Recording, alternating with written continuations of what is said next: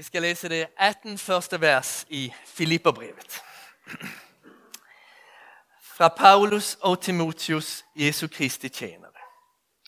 Til alle de hellige i Kristus Jesus, der bor i Filippi, samt tilsynsmænd og menighedstjenere. Nåde være med jer, og fred fra Gud, vor Fader og Herren Jesus Kristus. Jeg takker min Gud, hver gang jeg mindes jer, og i alle mine bønder beder jeg altid for jer alle, i glæde over, at det har været med i det fælles arbejde for evangeliet, lige fra den første dag indtil nu. Og i tillid til, at han som har begyndt sin gode gerning i jer, vil fuldføre den indtil Kristi Jesu dag. Det er kun rimeligt, at jeg tænker sådan om jer alle. For I er i mit hjerte. Både når jeg er i lænker, og når jeg forsvarer og underbygger evangeliet. Jeg er jo alle fælles med mig om nåden. Gud er mit vidne på, hvor meget jeg længes efter jer alle med Kristi Jesu inderlige kærlighed. Og det beder jeg om, at jeres kærlighed stadig må vokse og blive rig på indsigt og dømmekraft, så I kan skønne, hvad der er væsentligt og være renfærdige og uden anstød på Kristi dag. Fyldt af retfærdighedsfrugt, som skyldes Jesus Kristus, Gud til pris og ære. Jeg vil have, at I skal vide, brødre, at forholdene her hos mig snarest har ført til fremgang for evangeliet. Så det er blevet klart til hele borgen og for alle andre, at det er for Kristi skyld, jeg er i lænker. Og i tillid til Herren har de fleste af brødrene ved mine lænker fået større mod til at tale ordet uden frygt. Nogle præker ganske vist Kristus af misundelse og lyst til kiv. Men andre gør det af god vilje. Og det gør det af kærlighed, da de ved, at jeg er sat til at forsvare evangeliet. Men det andre forkynder Kristus for at hævde sig selv og ikke med rene motiver, for det tror, at det kan få jer ny trængsler til mine lænker. Men hvad? Kristus bliver i alle tilfælde forkyndt, hvad enten det er på skrømt eller oprigtigt, og det glæder jeg mig over. Amen. Lad os bede. Jesus Kristus, vores Herre, vi takker dig for, at du bliver forkyndt i vores del af verden og i vores menighed denne formiddag. Vi beder, at du denne søndag må lede vores hjerter og tanker ind i din inderlige kærlighed. Send din helligånd og åbn os for visdommen og glæden i dit ord. Amen.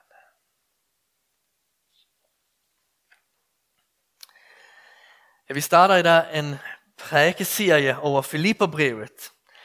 Et brev, der med rette også bliver kaldt for glædens brev. Paulus skrev det fra et fængsel, hvor han satt, sandsynligvis i Rom. Og denne første prædiken ud af seks over Filipperbrevet har fire dele. Kristus giver fred, Kristi gerning fuldbyrdes, Kristi kærlighed omdanner, og Kristus bliver forkyndt. Kristus giver fred er den første rubrik. Vi i Bornholmerkirken er medlemmer af Netværk for Missionale Menigheder. Og bevisningen bag dette netværk er, at kirker, som lever med evangeliet i centrum, bliver til fællesskaber, der i sin natur ønsker at formidle evangeliet videre i ord og handling. Det vil sige, at der ønsker at missionere og dele sin glæde med andre. Jeg er overbevist om, at et studium af Filipperbrevet vil blive til opmuntring for os i det kald. Evangeliet bliver næsten uimodståeligt, når man læser, hvad Paulus skriver i dette brev. Til Paulus opgave hører at forkynde det evangeliet, men også at forsvare underbygge det. Den opgave har jeg som præst, men også mange af jer i menigheden. Vi er kaldt at forsvare og underbygge evangeliet. At præsentere evangeliet vækker glæde, men også indvendinger. Og disse indvendinger behøver, øh, behøver reflekteres over og besvares. Jeg arbejder for, at vi i Bornholmerkirken skal kunne tilbyde lidt undervisning ud over prædiknerne og de grupper, der samles i hjemmene. Blandt andet for at yderligere udrustes til at forsvare og underbygge evangeliet.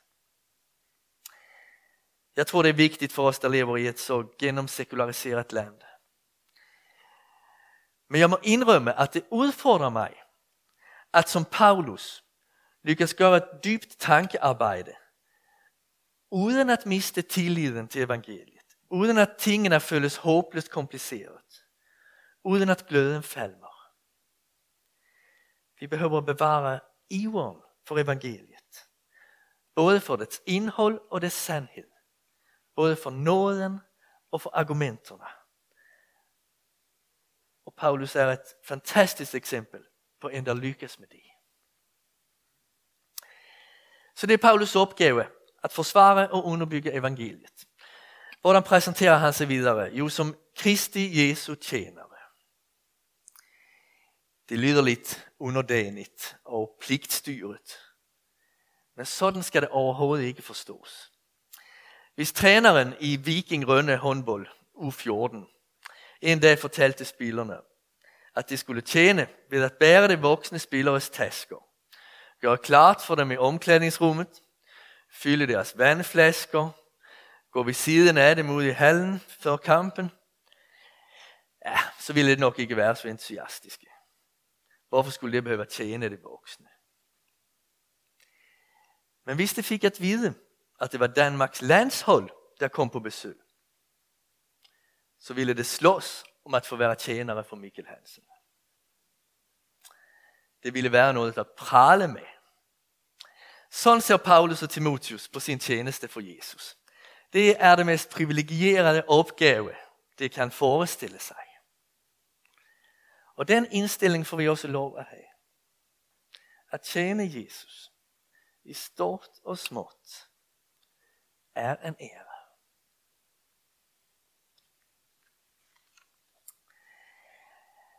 Der er dog en vigtig forskel mellem apostlernes forhold til Jesus og drengernes forhold til deres idoler. Apostlerne har ingen distance til Jesus. Det er hans tjenere, men også hans nære venner. Og nu hilser det også menigheden og os, som er, som, og os her som Guds venner, som modtagere af nåde og fred. For at forstå storheden i det, må vi tænke over modsætningen. Vi har gjort noget rigtig dumt mod vores ven. Ringer ham eller hende op og beder om tilgivelse. Så får vi svaret, jeg tilgiver dig aldrig. Så har vi ikke fået noget. Og vi får ikke fred. Hvis det stopper der, er venskabet slut. Gud svarer os ikke på den måde, når vi beder om hans nåde. Han vil ikke svare på den måde. Og han må ikke svare på den måde. Fordi hans søn er gået i døden for os. Hvis Gud afviste os, der tror på Kristus, måtte han også afvise Kristus. Hvis faderen godkender Kristus og hans offer, må han godkende os, der er i Kristus os, der gennem Kristus er hellige. Og det bliver vi også hilst med her. Det hellige i menigheden. Og det gør faderen mere end gerne. Noget være med jer og fred fra Gud, vor fader og Herren Jesus Kristus. Faderen og sønnen er fuldstændig ens i den hilsen. Vi er blevet Guds venner. Det er et jubelråb, der indleder Filipperbrevet. Tjenere til Kristus er det fineste, et menneske må være. Og nåde og fred er det største man må tage imod i livet. Kristus giver fred. Det var den første rubrik. Kristi gerning fuldbyrdes. Nogle gange har jeg været ved at, af, øh, når jeg har været ved at afslutte et øh, konfirmationslejr, har jeg brugt Paulus ord om at han som har begyndt sin gode gerning i dem, vil fuldføre den indtil Kristi Jesu dag. Det vil jeg ikke tøve med at gøre igen til et hold konfirmander. Hvorfor skulle jeg ikke have tro på at Gud vil blive ved i det unges liv med hans magt og godhed? Dog vil jeg ikke sige det ord til hvem som helst. Når Paulus udtrykker sin tillid til Guds fortsatte gode gerning, skriver han til en menighed, som har været med i det fælles arbejde for evangeliet lige fra den første dag indtil nu. Det er ikke folk, der kommer i kirken, når der er noget spændende program. Det er ikke mennesker, hvis tro er afhængig af dagsformen. Nej, der er en menighed af mennesker, der har vist udholdenhed og villighed. Det har åbnet sig for Guds gerning og stået faste, også i tider af prøvelser og modgang. Paulus er sikker på, at disse bundlojale disciple vil blive bevaret i troen. Han ser, at den modenhed, som det er nået til, er Guds værk, og at han fortsætter det værk. Så vi må gerne hilse hinanden med det ord. Men vi må bare at vide, at det er altså din en menighed. Det har vist den udholdenhed, som han hilser. Jeg er bevidst om, at Gud vil blive ved i sin gode gerning for jer. Når Paulus ser menighedens udholdenhed, glæder han sig over dem og takker Gud for hans gode gerning. Det behøver vi lære af. Vi kommer i en menighed af mange trofaste, trofaste disciple til Jesus. Vi har forskellige muligheder for at bidrage og ofre for kirkens arbejde. Mange deltager aktivt og gør rigtig, rigtig meget. Vi har al anledning at glæde os og takke vores Herre, når vi tænker på vores menighed. Takke fordi han har startet og fortsætter sin gode gerning. Og hvordan viser den gerning sig? Viser den sig i arbejdet for kirken?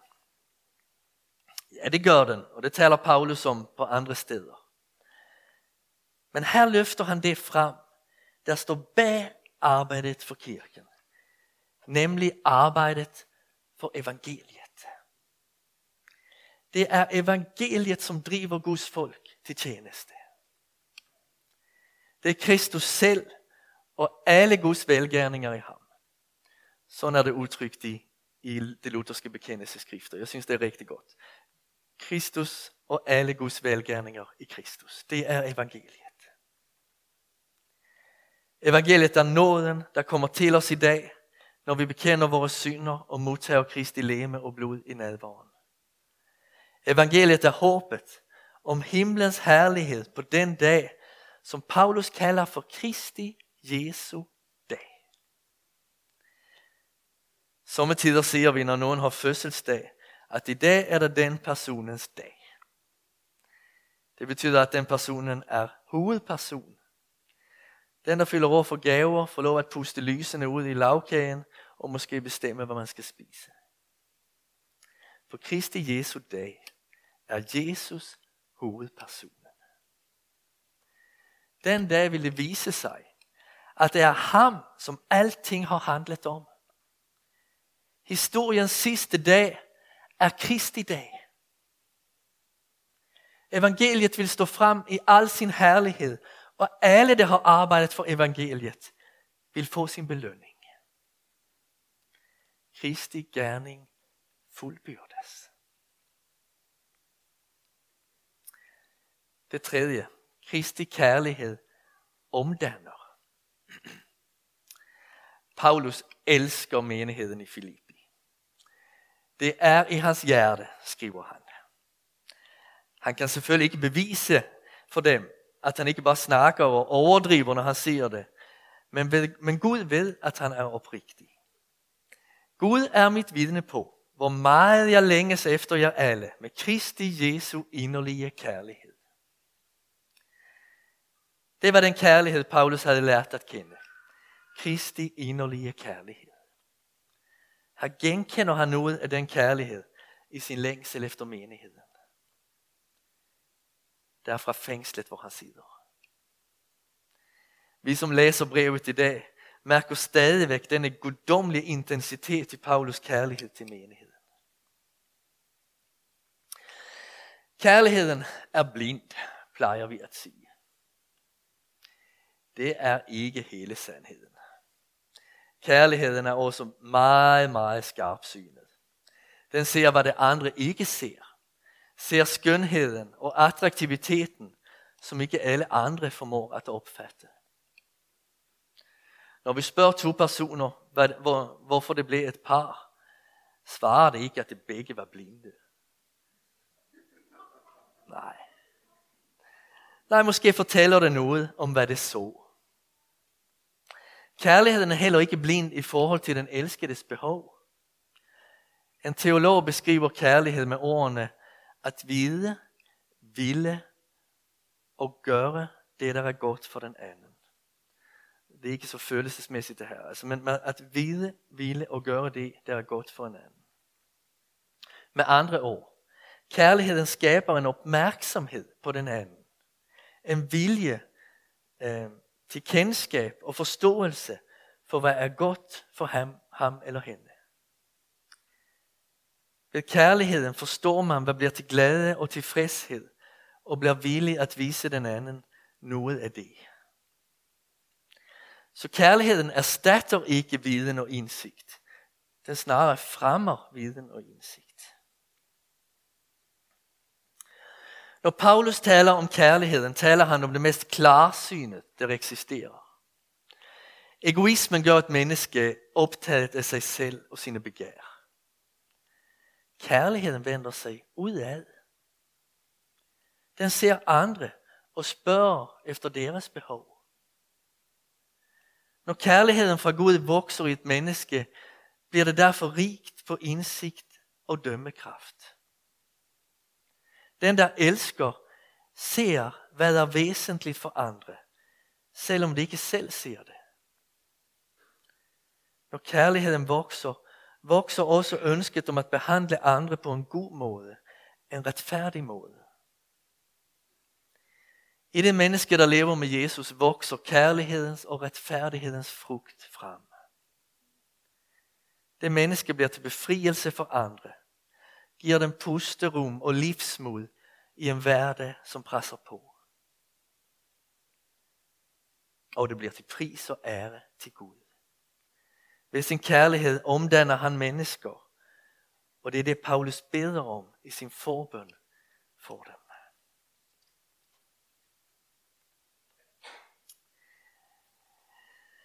Når vi beder for hinanden, beder vi gerne om, at det skal have det godt. At Herren skal bevare dem i troen, hjælpe dem med det, det slås med, og at det må få overskud, sådan at deres hverdag kan fungere og hænge sammen. Og det forbønder behøver vi alle. Lad os blive ved med det. Men måske skulle vi nogen gang tåle at sigte endnu højere i vores bøn. Måske skulle vi bede, Herre, jeg beder for den familie, at deres kærlighed stadig må vokse og blive rig på indsigt og dømmekraft, så at det kan skønne, hvad der er væsentligt, og være renfærdige og uden anstød på din dag, fyldt af retfærdighedsfrugt.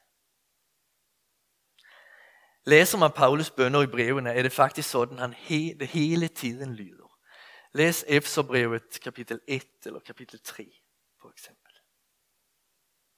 Han beder nästan alltid att menigheterna ska få större insikt i trons sandheder, mer kärlighet fra Gud och att Gud ska bli ärat i deras liv. Det är som om han minner sig om vem Herren är när han beder och hvor stora åndelige gaver han har att ge till menigheterna. Kristi kærlighed omdanner.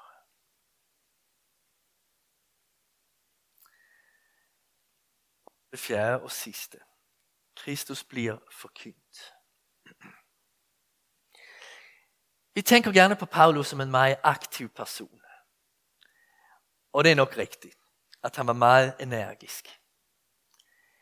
Men det er vigtigt at se, at det han hele tiden vender tilbage til i sin opgave som apostel og missionær, det er evangeliet og mennesker. Paulus starter ikke en masse projekter op. Det han gør på sine rejser er at lære mennesker at kende. Han bygger nære, oprigtige, ægte relationer. Når han nu sidder i fængsel, beder han for dem, længes efter dem og skriver til dem. Det er på den måde, han arbejder og udbreder Guds rige. Når Paulus skal måle fremgangen i sit arbejde og sit liv, måler han fremgangen for evangeliet. Det gør, at han bedømmer tingene helt anderledes, end hvad man normalt gør. Paulus er i gang med at vinde Lille Asien for Kristus, og har planlagt rejser for helt sikkert lang tid fremover. Pludselig bliver han sat i fængsel. Han borde føle sig enormt stresset og frustreret, kan man tænke sig. Men det han i stedet gør, det han gør i stedet for, er at vente og se, hvordan Gud vil bruge denne hindring. Og straks opdager han, at både kejserens vagtstyrke og mange andre spørger, hvorfor han sidder i lænker. Så bliver der muligheder for det kristne at fortælle, hvad det er, Paulus tror på. Herren giver dem frimodighed til at tale, sådan at evangeliet spreder sig. Tænk at med glæde kunne sidde i et fængsel og skrive. Jeg vil have, at I skal vide, brødre, at forholdene her hos mig i fængslet snarest har ført til fremgang for evangeliet. Paulus sidder der og er meget tilfreds, midt i alt. Men hvad med det andet, Paulus får at vide? Der er en del, der forkynder evangeliet for at modarbejde ham. Det kan åbenlyst, åbenlyst ikke tåle Paulus plads og position, men ønsker nu at tage muligheden for at selv træde frem. Til at svine til Paulus, forklare, at det er med rette, han sidder i fængsel, og prøver at få ham ud af billedet helt. Ja, hvordan svarer Paulus på det? Jeg ville være super irriteret på den, der gjorde på den måde i min tjeneste. Det må jeg, må jeg erkende. Men Paulus taler, han svarer totalt prestigeløst. Fuldstændigt prestigeløst. Han bliver ikke rasende. Han beder ikke sine nærmeste om at gå i rette med dem. For den opgave, som, Paulus har, som Gud har givet til Paulus, handler ikke om Paulus. Den handler om Kristus. Og hvis Kristus bliver forkyndt på skrømt og med urene motiver, hvad så? Kristus bliver forkyndt, og Paulus glæder sig er det imponerende storsindet, må man sige. Men sådan er det, når man har fokus helt och fullt på evangeliet. Så kan man göra den slags eftergifter i forhold till andra människor. Det är stort. Det var den första del i vår serie over Filipperbrevet. Lad os opsummere de fire punkter. Kristus skaber fred. Vi er tjenere til Kristus, vores Herre. Men vi er også hans venner, modtagere af nåde og fred. Kristi gerning fuldbyrdes. Det, det er evangeliets gode gerning i menneskers liv. Og den fortsætter stadig i dag, frem til Kristi Jesus store dag. Det, den gode gerning Gud har startet, den bliver ved. Kristi kærlighed omdanner. Vi må sigte højt i vores bøn for hinanden og bede om at Guds kærlighed må vokse og skabe indsigt og retfærdighed. Og Kristus bliver forkyndt. Fængsel og magtkamp kan ikke hindre evangeliet. Så længe det bliver forkyndt til frelse og fællesskab med Gud, må vi glæde os. Amen.